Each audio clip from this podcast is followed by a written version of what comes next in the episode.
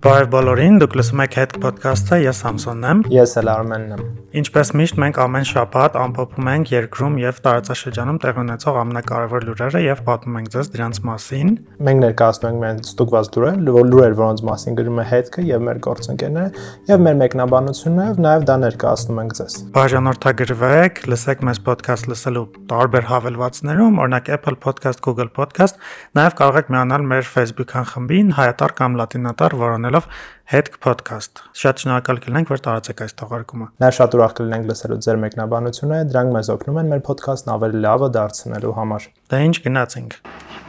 Հետաքնող լրագրողներից Head Podcast։ Եվ այսպես Արցախում վերջին լարվածության շուրջ քննարկումները շարունակվում են, այսպես կոչված դիվանագիտական հերահար ճակերտավոր կրակոցները եւս այս անգամ թեմային անդրադարձել է Ռուսաստանի Դաշնության արտաքին գործերի նախարարության ներկայացուցիչ Իվան Նիչաևը, նա պնդում է, որ ռուս խաղաղապահների ուղությամբ քննադատությունները որպես այդպեսին անհիմն են, այսինքն նրանց գործունեության վերաբերյալ քննադատությունները, որոնք վերջին շրջանում հատկապես դասվում են Երևանից ամենաբարձր մակարդակով, ըստ ռուսաստանցի պաշտոնյայի անհիմն են։ Նա մասնավորապես նշել է, որ ինտենսիվ քաղաքական շփումներին զուգընթաց շարունակվում է ակտիվ աշխատանքը նաև ռուս խաղաղապահների կողմից, որոնք անհրաժեշտ ջանքեր են գործադրում իրավիճակը Արցախում կայունացնելու ուղղությամբ եւ Բաքվում եւ Երևանում բազմիցս նշել են, որ ռուսական խաղաղապահ զորակազմի դերը շատ կարևոր է։ Խաղաղապահների հասցեն հնչող քննադատությունը համարում ենք չարթարացված, այսպես է նշում ռուսաստանցի դիվանագետը տողատակում, այսպես ասած, իր ուղերձը հղելով Հայաստանի Հանրապետության վարչապետ Նիկոլ Փաշինյանին։ Իհարկե ադրբեջանական կողմը եւս բարբերաբար անդրադառնում է ռուսական խաղապահներին եւ քննադատում նրանց գործունեությունը, բայց վերջին շրջանում հատկապես հայկական կողմից են սկսել լսվել քննադատական այդ ուղերձները։ Նախորդ շաբաթ կառավարության նիստի ժամանակ անդրադառնալով վերջին շրջանում Լաչինում գրանցված այդ սրացման այդ բախումներին վարչապետ Նիկոլ Փաշինյանը ուղղակիորեն մեղադրել է ռուս խաղապահներին, որ քանի որ դա նրանց պատասխանատվության գոտի է, գոտին է, ինչու ռուս խաղապահներն իրենց ամբողջ, այսպես ասած, մանդատով չեն փորձում կայունացնել իրավիճակը եւ նշել էր, որ պետք է հստակորեն ճշգրտվի, թե ինչ է նրանց մանդատի մեջ մտնում, այսինքն ինչ լիազորություններ ունեն ռուս խաղապահները, որպեսզի թույլ չտան հետագա իրավիճակի սրացման։ Սա շատ, այսպես ասած, ոչ միանշան, սա ոչ միանշանակ էր ընդունվել Մոսկվայի կողմից, Փաշինյանի հայտարարությանն անմիջապես անդրադարձել էր Սերգեյ Լավրովը, ասելով, որ իրենք Երևանի կողմից դեռևս պաշտոնական որևէ առաջարկ չեն ստացել, որը կապված կլինի ռուս խաղապանների գործունեության հետ։ Մեկնաբանելով Լավրովի ասածը, Հայաստանի Հանրապետության արտաքին գործերի նախարարության մամուլի խոսնակ Վահան Հունանյանն էլ նշել է, որ հայկական կողմը դեռևս 2021 թվականի փետրվարին են առաջարկներ ներկայացնել ռուսական խաղապահ ուժերի, այսպես ասած, արդյունավետությունը բարձրացնելու նպատակով։ Եվ այսպես ռուսական կողմը իհարկե շատ լավ հասկանում է, որ ինքը իմիջի խնդիր ունի լուծելու եւ ռուսական խաղապահ ուժերի հեղինակությունն այդքան էլ բարձր մակարդակի վրա չէ, որովհետեւ մենք հիշում ենք, որ եւ Խծաբերդի դեպքերը 2020 թվականի դեկտեմբեր, ինչպես նաեւ դրա մասին խոսել է Փաշինյանը, եւ կհիշես Սամսոն տրակտորիստին գյուղացուն, երբ որ ադրբեջանցի դիպուկահարը սպանել էր, նրա կողքերից այդ բան ռուս խաղապահ զինծառայող էր գտնվել։ Սա այս ամենը խոսում է այն մասին, որ ռուսական խաղապահ ուժերի ամեն դեպքում ներկայությունը միշտ չէ, որ կարողանում է լուծել կանոնացնել իրավիճակը եւ ադրբեջանցիներն այնպես չէ որ քաշվում են ռուսներից իրենց նպատակներն իրականացնելու համար։ Այո, բացարձակ չեն քաշվում մի քանի անգամ, մի քանի անգամ չէ, շատ անգամներ դրա ականատեսը եղել են եւ իրենց մարմինների վրա զգացել են հենց արցախցիները ու նաև կարևոր է նշել որ ոչ միայն Հայաստանում կա այդ բողոքը, այլ նաև Արցախում, երևի թե առաջինը Արցախում, որովհետև հենց արցախցիներն են, որ կարելի ասել իրենց հույսը դրել են նրա վրա, որ ռուս խաղապահները կապավեն իրենց ֆիզիկական անվտանգությունը, բայց անգամներ շարունակ տեսնում ենք, որ դա այդպես չէ մեր ունկնդիրներին նաև հիշեցնենք, թե ինչու էր վերջին շրջանում Արցախում լարվածություն առաջացել։ Արցախի նախագահ Արայք Հարությունյանն անվտանգության խորհրդի նիստի ժամանակ արդեն անվտանգության խորհրդի նիստը տեղ ունեցավ այն ժամանակ, երբ որ սկսել էին արդեն որոշակիորեն մարտական գործողություններ, Ադրբեջանը հայկական դիրքերի կիրառում նկատմամբ կիրառում էր ԱԹՍ-ներ, նռնականետներ, ականանետներ, Արայք Հարությունյանն ասաց, որ Ադրբեջանը պահանջում է իրեն անմիջապես հանձնել Լաչինի գործող միջանցք, այսինքն Գորիսը Ստեփանակերտին կապող ճանապարհային հատված հատվածը, որը գտնվում որ անցնելու է Ադրբեջանի վերահսկողության շրջանում, իսկ դա նախկին Լաչինի շրջանի այդ հատվածն է։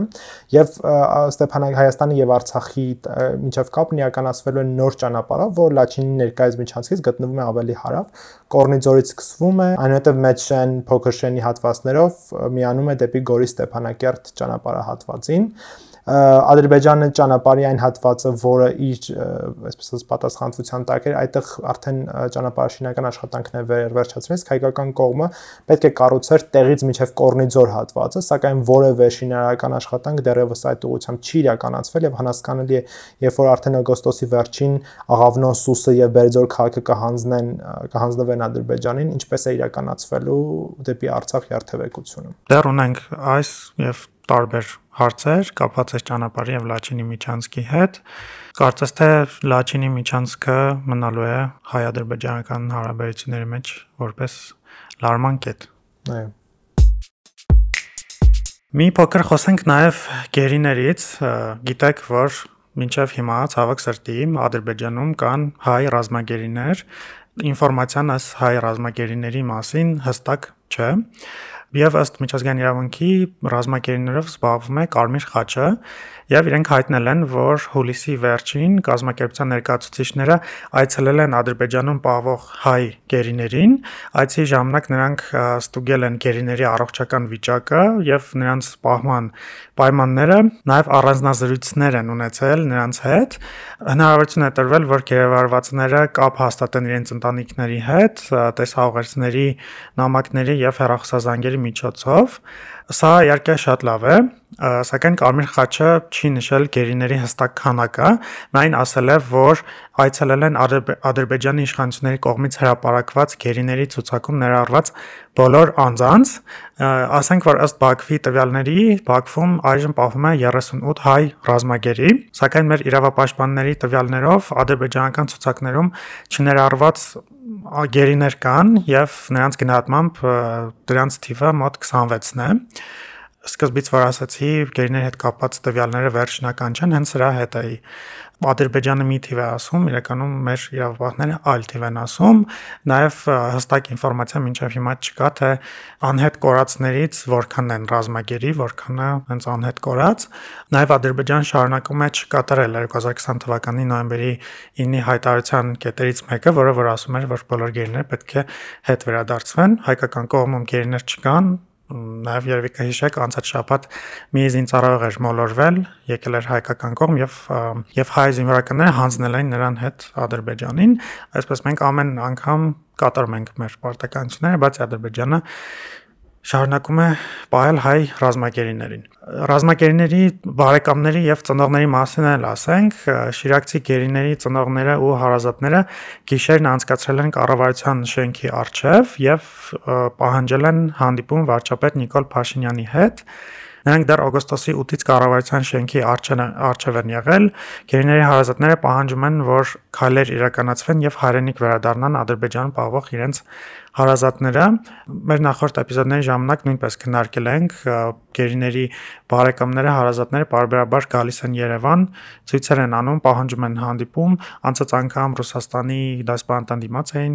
ցույց արել, պահանջել են հանդիպում Ռուսաստանի դեսպանի հետ, սակայն ոչ ոք նրանց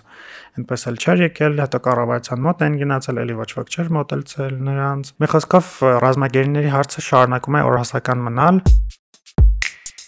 Իսկ հիմա տեղափոխվենք Վայոց ձոր, ավելի հստակ Վայոց ձորի Վայք համայնք, որտեղ համայնքի ղեկավար Մխիթար Մաթեոսյանը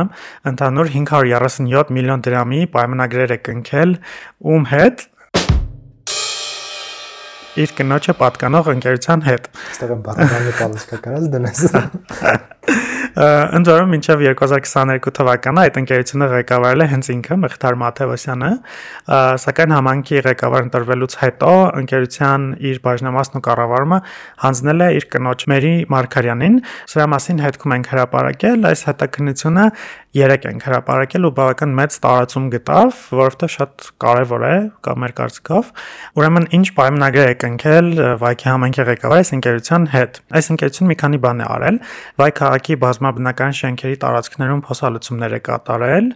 ուրեմն Վայ քաղաքի Մայսյան եւ Շինարարների փողոցի հիմնանորոգման աշխատանքներն է կատարել, ստացել է 67 միլիոն դրամ եւ պարտավորվել Զառիթափ գյուղում ռոռոկման ցած կառուցել։ Իդեպ նշեմ, որ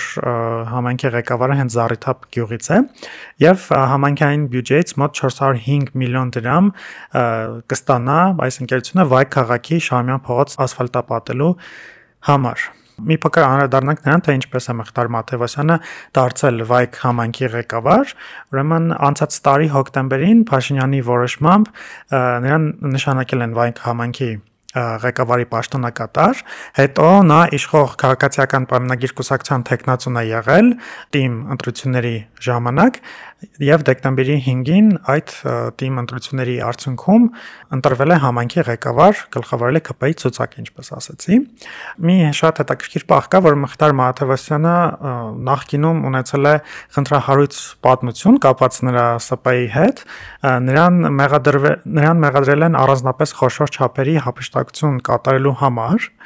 ինչի համար են Մխտար Մաթևոսյանին մեղադրանք առաջադրել, ուրեմն Վայքի մարզադաշտի շենքի վերանորոգման եւ համայնքային այգու բարեկարգման աշխատանքներ կատարելու համար քաղաքապետարանի կողմից հայտարարված մրցույթում հա-, հաղթել էր Մավշին ՍՊ ընկերությունը եւ Վայստորի մարզպետարանին դրա համար հատկացվել էր 120 միլիոն դրամ սուբվենցիա։ Պարզվել է, որ պետությունից խապեությամբ առանձնապես խոշոր չափի գումար հապշտակելու դիտավորությամբ Մխտար Մաթեոսյանը շինարարական աշխատանքների կատարման ընթացքում չարած աշխատանքների համար պետության միջոցներից ստացել է ընդհանուր 4 միլիոն 55 հազար դրամ ավել, այսինքն գործը չի արել, բայց դրա համար գումար է ստացել, փաստաթղթեր է ներկայացրել եւ այլն, բայց ամենահետաքրքիրը 2021-ի հուլիսին քրեական գործի վարույթը կարճվել է հանցակազմի բացակայության հիմքով, իսկ պետբյուջեը վերականգնում չի եղել, քանի որ առերևույթ պատճառված վնասը նախաքննությամբ չի հիմնավորվել։ Այսինքն այս պատմությունից հետո նա դառնում է Վայքի համայնքի ղեկավար եւ այդ ընկերությունը ավելի նոր շատ խոշոր չափով մոտ 1.3 միլիոն դոլարի չափով պայմանագիր է կնքում համայնքապետարանի հետ։ Իմ չարից ասեմ, որ երեք մեր հրապարակումից անմիջապես հետո դատախազությունից հայտարարեցին, որ ուսումնասիրում են մեր հրապարակումը։ Մենք կհետևենք, տեսնենք ինչ է լինում, տեսնենք նախորդ անգամվա պես այս ՍՊ-ն կարողանում է ջրից մաքուր չոր դուրս գալ, թե չէ իհարկե անմեղության կանխավարկածը հաշվի առնելով ես այս հրապարակումը միայն մեկ նախադասության կարող եմ որակել, որը իդեպ այդ սահմանումը տվել է վարչապետը, կոռուպցիան բա պոզով փոչով կենթանի է թե ոչ։ Իհարկե հաշվի առնելով անմեղության կանխավարկածը, բայց ամեն դեպքում այդ սահմանումը լրիվ այս նյութին համապատասխանում է։ Այո, թողնենք իրավապահները որոշեն սա կոռուպցիա է, պոզով փոչով է, թե չէ։ Շատ հակիրճ նաև անդրադառնանք մի քանի նորությունների, որոնք այս շաբաթ տեղի ունեցել։ Նախ ներքաղաքական, այսպես ասած, իրադարձություններից ապօրինի գույքի բռնագանձման գործով դատարանը կալանքի է դրել Հայաստանի Հանրապետական Կուսակցությունից ազգային ժողովի նախկին падգամավոր Մհեր Սեթրակյանի գույքի վրա Մհեր Սեթրակյանը հանրությանն ավելի հայտնի է Թոխմախի Մհեր անվամբ։ Նրան օգոստոսի 11-ին հրավիրել են դատախազություն ապօրինի գույքի բռնագանձման գործերով ուսումնասիրությանը ծանոթանալու եւ իր դիրքորոշումը ներկայացնելու համար։ Դատախազությունը նշում է, որ գործընթացը վերաբերում է նաև նրան փոխկապակցված այլ անձանց հետ։ Հիշեցնենք, որ Մհեր Սեթրակյանը ժամանակին հանրապետական կուսակցությունից եղել է ազգային ժողովի падգամավոր, հայտնի էր իր, այսպես ասած, հատկապես դերագրողների նկատմամբ իր բավականին կոպիտ վարկագծով։ Սիրում էր դրանից, այո։ Բացի այդ Մհեր Սեթրակյանի որդին Դավիթ Սեթրակյանը նաև եւս ազգային ժողովի падգամավոր է եղել Հայաստան Դաշինքից, սակայն մի քանի ամ ամիս պատգամավոր լինելուց հետո նա իր պատգամավորական մանդատը ցած էր դրել։ Շարունակենք այսպես ասած քրեական քրոնիկոնը, հերթ հիմա նախին գլխավոր դատախազ Աղվան Հովսեփյանինն է։ Ամիսներ շարունակ անցկացնելով բանտում, նախին գլխավոր դատախազ Աղվան Հովսեփյանը գրավի դիմաց ազատ կարծակվի, ինչը կապված է նրա առողջական իրավիճակի հետ։ Դատան Հովսեփյանի նկատմամբ որպես խափանման միջոց է կիրառել գրավը 100 միլիոն դրամի չափով եւ ստորագրություն չհեռանալու մասին։ Հիշեցնենք, որ Աղվան Հովսեփյանին մեղադրանք էր առաջադրվել փողերի լվացման, կաշառք ստանալու, խարդախությամբ գույք հապշտակելու մեղադրանքով։ Երևանի քաղաքապետարանը կմեծացնի նաև տրոլեյբուսների պարկը։ Երևանի համար 30 նոր տրոլեյբուս է նախատեսվում գնվել, որից 15-ի մրցույթն արդեն կայացել է։ Այս ծրագրի արդյունքում 51 տրոլեյբուսից 30-ը կփոխարինվի նոր տրոլեյբուսերով։ Բացի այդ շարժակազմի սպասարկման համար կկառուցվի նոր ժամանակակից կայան։ Մի փոքր նաև պոզիտիվ լուր բոլորիս համար, մանավանդ շախմատի սիրահարների համար։ Ինչպես գիտեք, Հնդկաստանի Չենայ քաղաքում անցկացվում է շախմատի համաշխարհային 44-րդ օլիմպիադան, եւ վերջին տուրում Հայաստանի տղամարդկանց հավաքականը դարձել է փոխ-չեմպիոն։ Օլիմպիադայի չեմպիոն է դարձել Ուզբեկստանը։ Տուրնիրի ժամանակ մեր հավաքականը խաղացել է Ադրբեջանի հավաքականի դեմ եւ հաղթանակ է տարել։ Կարծում եմ սրանից բոլորը շատ ուրախացել էին, մանավանդ նրա պատճառով, որ Արցախում լարվածության ֆոնին այսպեսի լուր ստացանք, ինչը շատ լավ էր։ Շնորհավոր բոլորիս, մանավանդ շախմատասերներին, սա կարծում եմ շատ մեծ հաղթանակ է բայց ես այստեղ ուզում եմ մի քիչ ամեն դեպքում մեր ուրախությունը հարամեմ, որովհետև Ադրբեջանի նկատմամբ հաղթանակ էր տալ տղամարդկանց հավաքականը, իսկ կանանց հավաքականը 4-0 հաշվով պարտվել էր Ադրբեջանի հավաքականը։ Այ ես այդ չգիտեի։ Դե լավ, ամեն դեպքում լավ լուր է։ Եվ վերջում անդադառնանք նաև միջազգային մեկ լուրի, խոսքը Միացյալ Նահանգներին ենք այս անգամ անդադառնալու։ Հետաքննությունը դաշնային բյուրոն ՀԴԲ-ն խոզարկություն է իրականացել ԱՄՆ նախկին նախագահ Դոնալդ Թրամփին պատկանող Mar-a-Lago, այսպես ասած, առանձնատանը, որը գտնվում է Ֆլորիդայի Palm Beach քաղաքում։ Հետաքննությունների դաշնային բյուրոյի աշխատակիցները Թրամփի առանձնատանը փաստաթղթեր են որոնելիս լինել, ինչպես գիտեք, երբ որ մի վարչակազմը հեռանում է Սպիտակ տնից, իր հետ տանում է ոչ կոնֆիդենցիալ բնույթի, այսպես ասած, փաստաթղթերը, իսկ կոնֆիդենցիալ բնույթի փաստաթղթերն ուղարկվում են տվյալ Միացյալ Նահանգների ազգային արխիվ։ Եվ հիմա հետաքննությունների դաշնային բյուրոն կասկածում է, որ Թրամփը եւ նրա, այսպես ասած, համախոհները 15 արկղ գախնի բնույթի փաստաթուղթ են իրենց հետ տարել եւ դրանք չեն ուղարկվել ազգային արխիվ։ Հիմնականում արևմտյան լրատվամիջոցները գրում են երկու հիմնական վարկածի մասին, որ հետաքննությունների դաշնային բյուրոն, այսպես ասած, դիտարկում է։ Առաջին վարկածի համաձայն այդ փաստաթղթերը անմիջականորեն վերաբերվում են 2021 թվականի հունիսի 6-ին, գիշեք բոլորդ հետքը եւս դրա մասին գրել է, երբ որ մի խումբ անձինք, իսկ դրանք մի քանի 100 են, ներխուժեցին Կապիտոլիումի շենք եւ փորձեցին տապալել այնտեղ ընթացող քվեարկությունը, որը կապված էր Դոնալդ Թրամփին իմպիչմենտ հայտարարելու հետ վաղաժամ, չնայած օրինակ 14 օր հետո ամեն դեպքում Ջո Բայդենի ինագուրացիան էր տեղի ունենալու։ Այդ ժամանակ իհարկե քվեարկությունը չտեղի չունեցավ, բայց եւ այնպես Թրամփին իմպիչմենտ վաղաժամկետ չհայտարարեցին, բայց քրեական գործ հարուցվեց եւ ավելին առաջին դատավճիռը հրապարակվել է արդեն իսկ այդ դրա մասնակիցների հետ կապված եւ շատ շատերը մեղադրում են, որ Դոնալդ Թրամփի հրահարմամբ են այդ քաղաքացիներն ներխուժել Կապիտոլիումի շենք եւ երկրորդ վարկածը, որը դիտարկում են ամերիկյան լրատվամիջոցները, այն է, որ այդ 15 արկղ փաստաթուղթը կարող է կապված լինել միջուկային զենքի հետ, Միացյալ Նահանգների միջուկային պաշարի հետ։ Հետաքննությունների դաշնային բյուրոն կասկածներ ունի, որ Թրամփի վարչակազմը նրա օգնականները գախնի բնույթի միջուկային զենքի հետ կապված փաստաթղթեր են դուրս բերել սպիտակ տնից, ինչի իրավունքը նրանք չունեն։ Մենք կհետևենք իհարկե այս իրադարձություններին։ Դոնալդ Թրամփը այդ ժամանակ խոզարկության ժամանակ տանը չի եղել, բայց եւ այնպես մեղադրել է սպիտակ տանը Ջո Բայդենին, որ նրանք տեղյակ են եղել այդ հետախուզության հետա ներություն, որ նա տեղյակ եղել այդ խոզարկման մասին ամեն ամեն դեպքում Սպիտակ տունը հերքում է նշելով որ հետաքննությունների դաշնային բյուրոն անկախ մարմին է Սպիտակ տնից նախագահականից եւ Ջո Բայդենը նախապես չի իմացել որ Դոնալդ Թրամփի տունը խուզարկելու են Շնորհակալություն այս շաբաթվա ամփոփումը լսելու համար։ Եթե հավանեցիք, խնդրում ենք տարածեք այս էպիզոդը, ուղարկեք ձեր ընկերներին, բարեկամներին, նաև այն մարդկանց, ովքեր որ շաբաթվա ընթացքում չեն հասցնում լուրերին հետևեն, բայց ուզում են երկրում եւ տարածաշրջանում տեղի ունեցող ամենակարևոր իրադարձություններից տեղակ լինել։ Մերսի շատ բոլորիդ, կհանդիպենք արդեն հաջորդ շաբաթ նոր ավելի թարմ նորություններով։ Հաջողություն։